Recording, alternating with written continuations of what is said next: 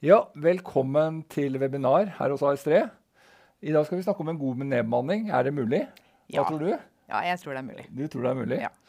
Så bra. Eh, mitt navn er Bjørn Solen. Jeg jobber som partner i AS3 og jobber med omstilling og endringsprosesser hver eneste dag.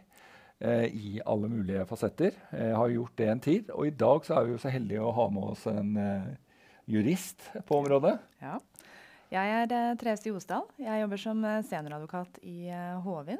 Eh, jeg jobber med arbeidsrett, og eh, i forlengelsen av det også ganske mange nedbemanninger og omorganiseringer eh, som jeg har å gjøre med kontinuerlig.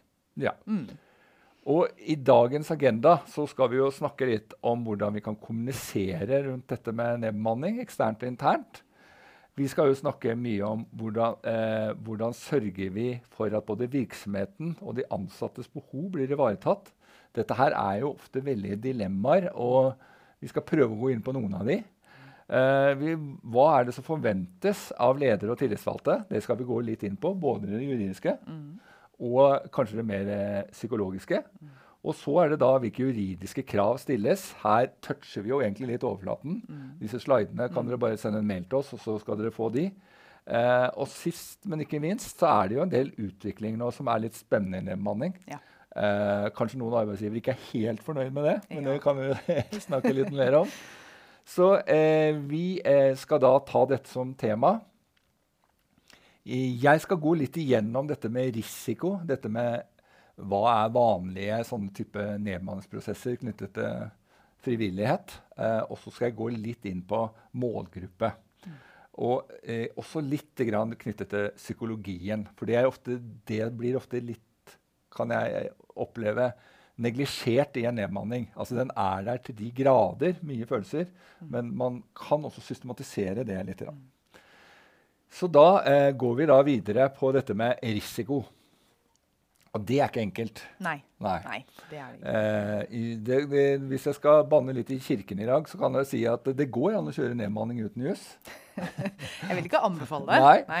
Eh, ser du på denne modellen her, så har du jo da arbeidstaker og arbeidsgiver. Og de må jo være enige. Eh, og hvis alle er enige, og ingen individer lager noe krøll, så trenger man ikke jussen, egentlig. Altså Man signerer og alt. Problemet er den ene som lager et eller annet problem, eller den andre. Og jussen er jo der for å kvalitetssikre prosessen, opplever jeg. da. Ja. Vet ikke hva du tenker om det? Jo da, det er Ja. jo både en, en kvalitetssikring, men, men også for så vidt så kan det jo være en rettesnor, da, hvis man på en måte ikke helt Nettopp. vet hvor man skal begynne. Ja. Mm. Og du kan godt ha en veldig bra juridisk prosess, men nedbemanningen går dårlig. Ja. Altså i den forstand at at det, er dårlig stemning, det er, man, man misliker hverandre, det er, ikke, det er ikke godt samarbeid i utgangspunktet. Mm. Så, så det jeg vil appellere til dere som skal kjøre sånne prosesser, gjør risikovurderinger. Ta en diskusjon med jurist. Hva hvis vi lemper litt på det? Hva hvis vi treffer en litt annen målgruppe? Her er det ikke to streker under noen svar. Her er det utøvelse av veldig mye skjønn. Men det er klart det er logisk å snakke med de ansatte. Det er logisk å informere dem på forhånd. Det er logisk å diskutere med tillitsvalgte og ha individuelle drøftinger. Det er klart det er logisk og lurt. Men det er en del andre ting der som kan spe på, og som kan utfordre jussen. Og så må du, du da som arbeidsgiver, ikke arbeidstaker, men arbeidsgiver, ta den risikoen til syvende og sist.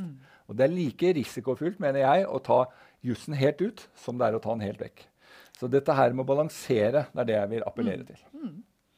Eh, hva tenker du om eh, denne modellen, sånn sett?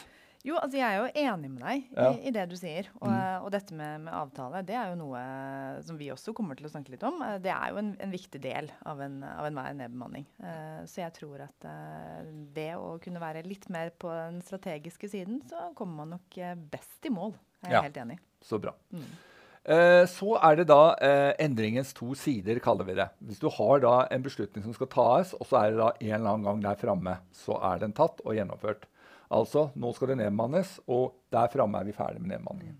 Eh, veldig mange nedbemanningsprosesser er overdrevent veldig gode på det rent praktiske, oppgavemessige.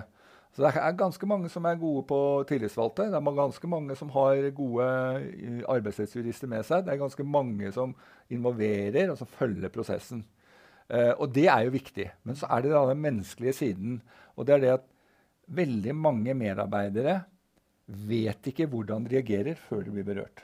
Når du blir berørt, så kan det være en leder som der og da begynner å kjenne på følelsene når de har samtalen, og så går det gærent. Der og da så begynner en medarbeider å skjønne at 'jeg blei faktisk berørt'. Og det burde de ha skjønt før, men det gjør de ikke. Og så reagerer de med at 'dette har jeg aldri hørt før', 'dette er helt forferdelig', det er en dårlig prosess. Man argumenterer for noe som egentlig ikke stemmer, men man sier det.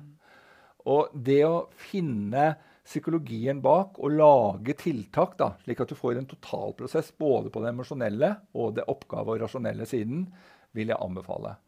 Og I disse 30 minuttene jeg har i dag, så kan ikke jeg gå mer i dybden på det. Men det, det, det å være nysgjerrig da, på den eh, eh, eh menneskelige eller psykologiske siden av nedbemanning er viktig. Så har vi en liten sånn huskeregel rundt dette. Um, her er det sånn, uh, Ser dere på denne modellen, så er den knyttet til at alle kan søke. Altså alle kan søke om sluttpakke, og så er det førstemann til mølla. Så hvis du er 100 ansatte og 30 søker, og så er det bare 10 som skal få, så er det de 10 første. Det er faktisk noe som nedbemanner sånn. Og så gir de noe penger for, å, for, å, for å, at de søker, og så får de innvilget. Um, problemet med den det er jo ofte at det er de feile menneskene som søker. Uh, og det har man historisk sett ganske mange ganger. Og hvis man skal få det til, så må man lage en prosess rundt det for å treffe de man ønsker. Mm. Så er det sånn at Går du gradvis til høyre her, så kommer du til syvende og sist den helt andre veien, mm. som er en ren juridisk prosess. Innkalling, drøftingsmøter, eh, individuelle drøftingsmøter, oppsagt, ferdig. Mm. Og den er, eh, Jeg tror det er det mest vanlige i Norge, men det er veldig mange små og mellomstore bedrifter som gjør det, som ikke jeg vet om, mm. men som, som, er en helt vanlig prosess. Mm. Og helt grei mange steder. Eh, og så har du da de midt imellom. At du kan du, du, blir pekt på, du får sluttpakke. Man peker kanskje på flere enn som får det. Eller, eller, eller man peker akkurat på de det gjelder. Eller man tar jussen, og så peker man og sier du får sluttpakke hvis du signerer selv. Men allikevel så er dette et individuelt drøftingsmøte. Mm. Her har du et arsenal av veier du selv kan velge. Og så er det ofte, hvis du er i finansiell sektor, så er det ofte en vanlig måte å gjøre det på. Uh, og hvis du er i uh, oljesektoren, er det en vanlig måte. I offentlig sektor er det vanlig. Og hvis du f.eks. er i industrien, så er det en helt annen en. Mm. Så du er jo også litt avhengig av det, og så er du avhengig av hva som har skjedd tidligere, hva er vanlig. Ja. Ikke sant? Så du, du, du, det, det, er mange rammer her. Men det er faktisk ikke slik at du må velge den ene prosessen. Den ene er riktig. Det andre, første jeg sa, det var risiko på juss. Og det andre er jo risiko på løsning.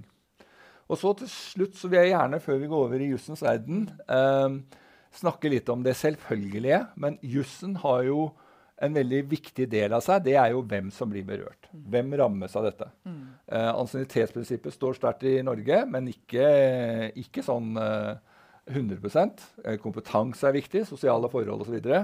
Eh, de, uh, av og til har jeg sett prosesser hvor man begynner der, og så, og, og, og, og så bommer man litt på målgruppe. Så hvis du har den lyseblå målgruppen her, så er jo det de virksomheten ønsker skal slutte. Mm. Så er det noen som ja, det er greit at det slutter, det er ikke helt krise. Og så er det veldig mange de må overhodet ikke slutte. Mm. Og hvordan skal vi greie å treffe mest mulig lyseblått? Et veldig, veldig kynisk perspektiv, men sett ut ifra at arbeidsgiver ønsker at denne virksomheten skal overleve og klare seg, så må de nødt til å ha den riktige og den beste kompetansen. Mm. Og så er det selvfølgelig heldigvis slik at jussen og tillitsvalgte og sånn har muligheter å påvirke og uh, la virksomheten ta sosiale forhold uh, til, til trakning. Og at ansiennitet er tross alt viktig i Norge. Så de, disse tingene, Men start ofte med hva er listen? Ha den for deg selv som arbeidsgiver. Ikke la andre få lov. Uh, da kommer vel du inn, sier, at den listen her må ikke gå noen steder. Men, men det, er liksom det, at, det er nesten uunngåelig for en arbeidsgiver ikke tenke hvem ville måtte gå hvis vi må nedbemanne. Vi har mange dyktige medarbeidere. Dessverre må vi nedbemanne. Men hvem ønsker vi å treffe da? Men jeg tror også det er veldig, veldig viktig. Eh, ikke bare lurt, men det er, det er, viktig å være klar over hvem som er nøkkelpersonell for å kunne drive virksomheten videre. Det ja, er jo kjempeviktig. Ja. Mm.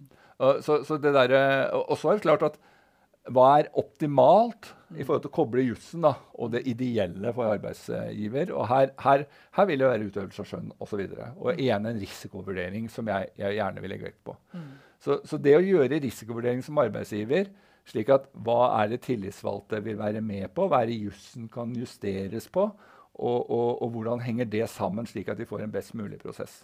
Så disse her fire tipsene her eh, vil jeg eh, mene treffer ganske bra de eh, første punktene som ikke handler om juss. Samtidig så er det jo en del juss i det jeg sier egentlig. Det er det. Ja. det, er det. Um, da er det litt mer på juss. Ja, Da er jeg så heldig at jeg skal få snakke litt om de rettslige kravene til en nedbemanning. Eh, som dere vil se, så vil eh, slidene mine ha en del tekst. Det er jo for at vi eh, ønsker å sende ut disse til, til de av dere som eh, har lyst på de etter at jeg er ferdig med å prate. Og jeg hopper rett på. Arbeidsmiljølovens eh, kapittel 15 er jo det som eh, styrer de rettslige kravene til en oppsigelse og en nedbemanning som sådan, og eventuelle tariffavtaler i virksomheten. Det er jo greit å være klar over det. Og, og det hender jo faktisk eh, titt og ofte at vi snakker med virksomheter som ikke er klar over at de er bundet av tariffavtaler. Så Ved nedbemanning, liksom. Ja da, og i enhver i flere Ja, settinger. Så det, det er greit å bare gjøre en liten sjekk på det, for det, det kan man plutselig være. Mm. Arbeidsmiljøloven har eh, noen formelle krav til en informasjon- og drøftingsplikt. Eh, I utgangspunktet gjelder det eh, ved såkalte masseoppsigelser, Mm. som er oppsigelser av mer enn ti personer innenfor eh, 30 dager. Men vi pleier å anbefale egentlig at man følger den informasjon- og drøftingsplikten nesten uavhengig. Det er god saksbehandling, rett og slett. Det er også en individuell drøftingsplikt. Den kommer jeg litt tilbake til, men det gjelder jo før man gir en oppsigelse.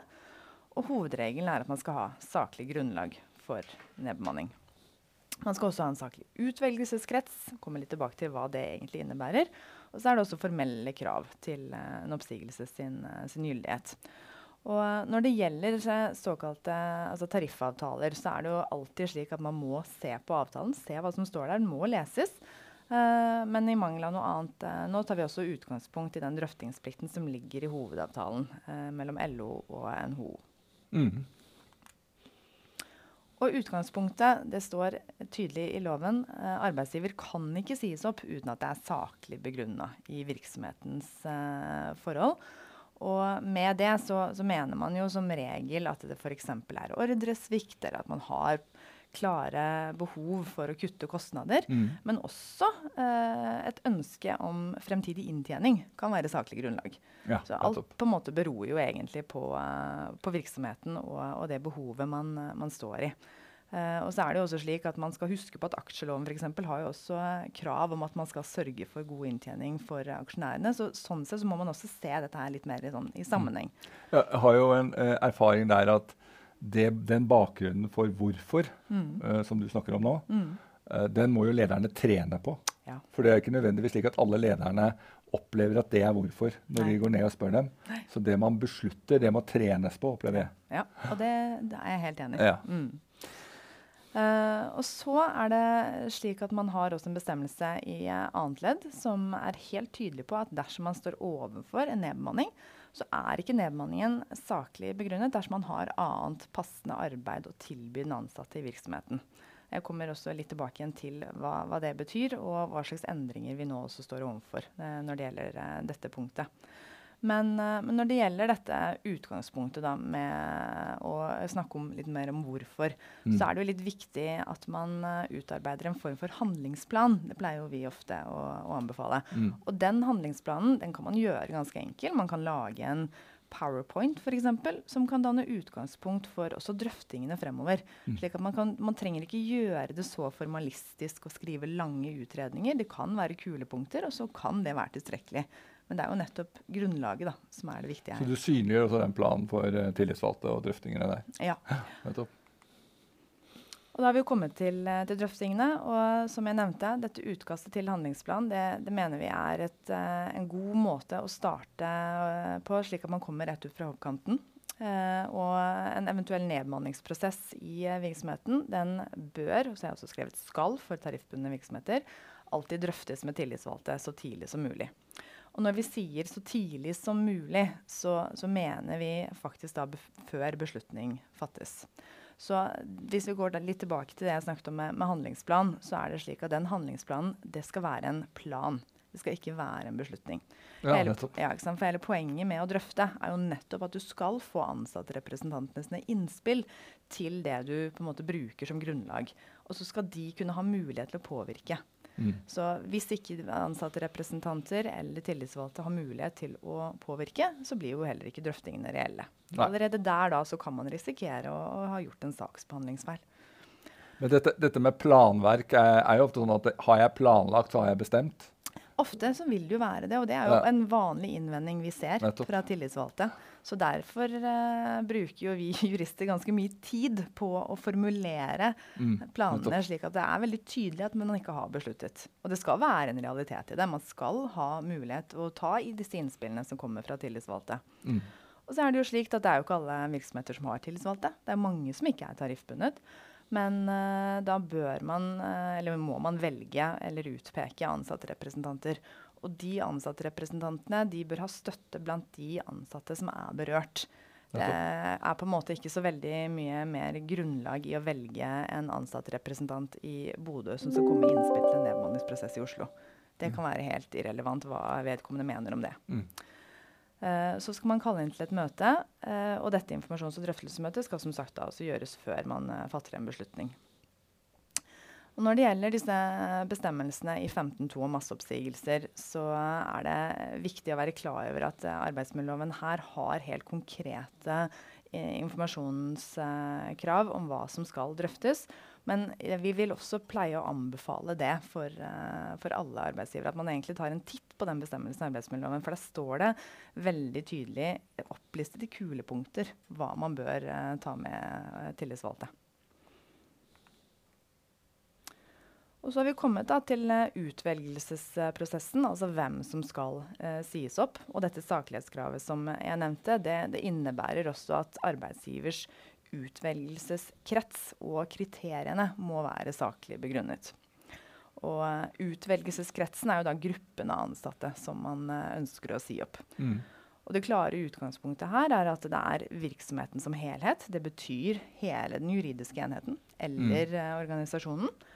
Eh, men så er det i rettspraksis også nå gitt eh, mye god saklig grunnlag for å kunne redusere den kretsen. Så du kan av og til gå ut, eh, vekk fra helheten. Ja, Ja. ofte gjør man jo det. Nettopp. Men du skal ha grunnlag for å gjøre det. Men hvis du er enig med tillitsvalgt, f.eks., det hjelper jo. Det hjelper veldig. Ja, vi pleier å si at det er også noe vi absolutt anbefaler. Mm. Ofte vil tillitsvalgte være enig i det. Eh, det er mange gode grunner for å kunne redusere kretsen. Eh, Mm. Mange ansatte vil da slippe den uroen ikke sant, som det kan skape. Mm. Eh, og det er praktisk for arbeidsgiver. Mm. Men også her, litt som du nevnte tidligere, så er tidligere praksis i virksomheten det blir tillagt vekt. Så hvis man har for vane å kunne redusere krets, så vil det på en måte være et moment som gjør at det er lettere å akseptere at man gjør det også denne gangen. Nettopp. Eh, det kan være f.eks. organisering av virksomheten eller geografiske avstander som tilsier at det er grunnlag for å redusere kretsen. Og her er det veldig sånn tydelig at hvis man f.eks. vurderer å nedbemanne i Oslo Bakgrunnen for at man skal vurdere kretsen som helhet, er jo slik at hvis du har en ansatt som ønsker å pendle til en filial i Hamar, så skal vedkommende på en måte få lov til det. Mm. Uh, og sånn sett så er det ikke nødvendigvis da saklig å begrense kretsen bare til Oslo. Mm. Men det kan være saklig å begrense kretsen til Østlandet. For å pendle til Bergen f.eks. vil jo vise seg å kunne være praktisk. Mm. Uh, hvert fall ikke, om ikke umulig, men svært vanskelig. Mm. Uh, og som du var inne på, tillitsvalgte syn vil alltid tillegges vekt i, i denne vurderingen her. Og når man har sett på kretsen av hvilke ansatte som skal sies opp, så må man også vurdere kriteriene som man skal vurdere de enkelte ansatte på bakgrunn av. Og eh, som du også nevnte litt innledningsvis, vi er, i Norge er, står ansiennitetsprinsippet veldig sterkt. Mm. Eh, det var jo en eh, dom i 2019 som eh, satte litt spørsmålstegn med hvor sterkt det egentlig ansiennitetsprinsippet står, Skanska-dommen. Og det man egentlig kan si på bakgrunn eh, altså rettspraksis etter det, er at man skal ta utgangspunkt i ansiennitetsprinsippet, men det er ikke en hovedregel. Nei, Så det kan være saklig grunn for å legge vekt, hovedvekten f.eks. på kompetanse. Uh, og det er jo eh, også ganske naturlig, all den tid man f.eks. i en kompetansebedrift har behov for å beholde kvalifiserte medarbeidere. Og ansienniteten kan sånn sett være ikke eh, en, en god, et godt kriterium å legge vekt på hvis man skal styre virksomheten på en god måte videre. For dette her er jo før man har de individuelle samtalene. Ja, ikke det er det. Når man går inn i de individuelle samtalene, så har vi ofte trent lederne på å bruke begrepet totalvurdering. Ja. Gir det mening? Altså, selv om ansiennitet nå er steget litt igjen, Mm. mm. så er det allikevel en totalvurdering? ikke Absolutt. Ja. Det, er, det, er, det det er. Så det er, det er ikke sånn at du må liksom si at pga. ansienniteten din, så det er ordet totalvurdering. Ja. Og det syns jeg er et veldig veldig godt ord å bruke. Eh, for det hensyntar også dette siste kulepunktet som jeg er inne på nå, med sosiale hensyn. Ja. Eh, det er jo slik at dersom du har en medarbeider som nærmer seg pensjonsalder og vil få store utfordringer med å få jobb på arbeidsmarkedet, så eh, er det jo ikke nødvendigvis rimelig hvis man er en stor virksomhet, da, å si opp den personen kontra en annen som du vet lett vil kunne få seg jobb. Mm. Og det blir faktisk tillagt vekt. Nettopp. Mm. Ja. Uh, og så er det jo også slik da, at Hvis man skal se litt sånn mer overordnet på dette, her, så er, ved å velge ut en ansatt, og du sier at du kanskje har en overtallig HR-medarbeider eller du har en overtallig regnskapsfører, mm. så er det ikke gitt i en virksomhet at det er den HR-medarbeideren eller den regnskapsføreren som skal sies opp. Uh, hele denne prosessen som jeg snakker om nå, innebærer at man skal da ha rett til å på en måte konkurrere om de ledige stillingene blir igjen i virksomheten etter at man har eh, sett uh, hvordan man ønsker å drive det videre. Og så skal man vurdere de ansatte på bakgrunn av disse kriteriene opp mot de stillingene. Så i ytterst forstand så er det litt dominoeffekt, liksom? Nettopp. Ja. ja. Så, så, det er jo klart at uh, da, da, vil jo jeg av og til appellere til frivillighet. Ja. ja. Men i jussen så er det jo uh, sånne krav. Ja, i jussen ja. er det sånne krav. Men, men jeg syns det er et godt poeng du kommer med her, det med mm. å appellere til frivillighet. Og, og ofte så kan man også få tillitsvalgte med på det. Uh, og hvis vi da går litt tilbake til det jeg nevnte med hva man skal drøfte, mm. uh, så er det å drøfte sluttpakker tidlig i prosessen med tillitsvalgte, det kan også være veldig lurt. Uh, da kan man på ethvert tidspunkt i prosessen komme til enighet i stedet for å måtte ha litt sånn tunge samtaler og tunge kompetansekartleggingsmøter med ansatte osv. Det kan bli ganske omstendig i en stor virksomhet. Absolutt. Mm. Um, så er det greit å være klar over at er du tariffbundet, så står ansiennitetsprinsippet sterkere enn dersom man ikke er tariffbundet. Uh, de aller fleste er klar over det, men, men, jeg tror også at det er greit å, å huske på det uh, dersom man har en tariffbundet virksomhet. At det er kanskje da ekstra viktig å få tillitsvalgte med på eventuelt å fravike vår, vår erfaring er jo at store virksomheter ofte bruker frivillighet i en eller annen variant. Mm. Og de har jo ofte denne tariffavtalelogikken. Ja, ja. ja. Selve oppsigelsesprosessen er også ganske formalistisk. Eh, det er jo greit å være klar over at det er et eh, helt formelt krav om et individuelt drøftingsmøte før man går til oppsigelse. Eh, så da har man liksom først drøftet med tillitsvalgte og ansatte representanter, og så kommet til en gruppe mennesker som man vurderer å si opp. Så skal man ha et individuelt drøftingsmøte fra, fra det, det samtalen der også. Mm. Og, og med, der, der, må det utarbeides en protokoll. Og Bakgrunnen for at man skal ha dette møtet, er jo nettopp at den ansatte selv skal ha mulighet til å eventuelt korrigere arbeidsgivers oppfatning. Det kan jo hende at man sitter med et feilinntrykk, at man ikke har fått det hele bildet. I uh, paragraf 15-3 er det klare oppsigelsesfrister dersom ikke disse er individuelt avtalt som regel eh, i en så å si enhver virksomhet har man jo arbeidsavtaler hvor man har individuelle oppsigelsesfrister. Ja. Og vi ser jo ofte at det er tre måneder. Mm. Men arbeidsmiljølovens eh, minstekrav er én måned. Ja. Mm. Tre måneder er jo det vanlige. Det er det vanlige, ja. ja det er det. Men eh, man har jo uh, mer enn det også. Mm. Uh, etter loven så kan man jo ha både fire og fem måneder også. og det kan jo noen ganger komme litt brått på enhver.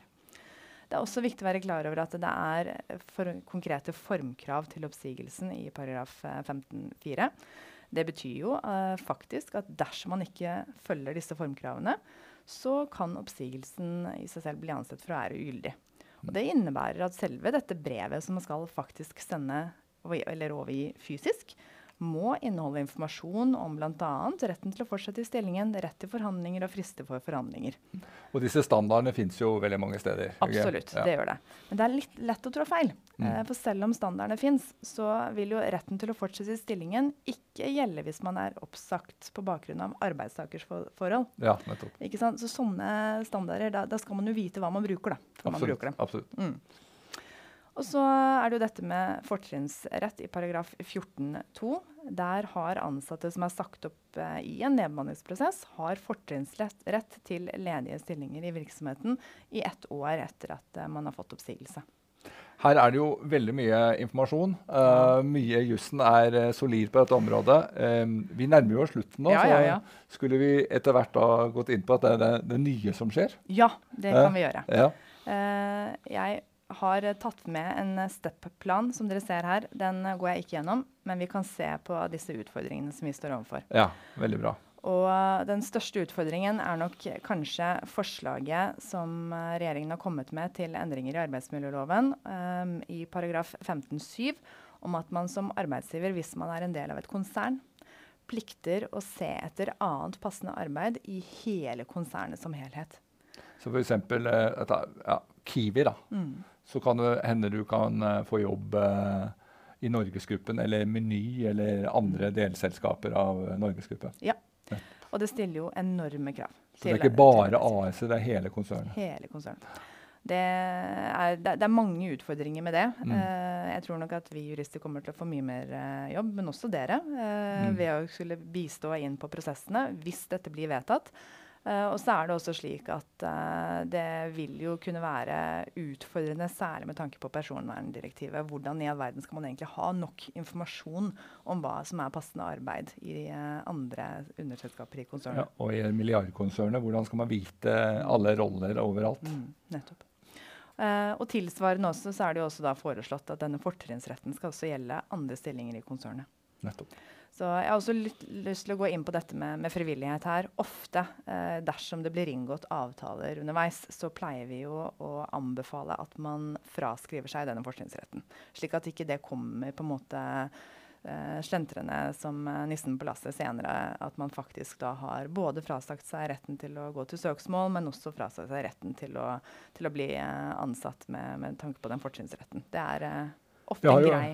jeg har jo fryktelig lyst til å gå inn i politikken her, være, er være politikeren tenker, men den kan vi la ligge i dag. Det skal vi la ligge i dag, ja. Mm.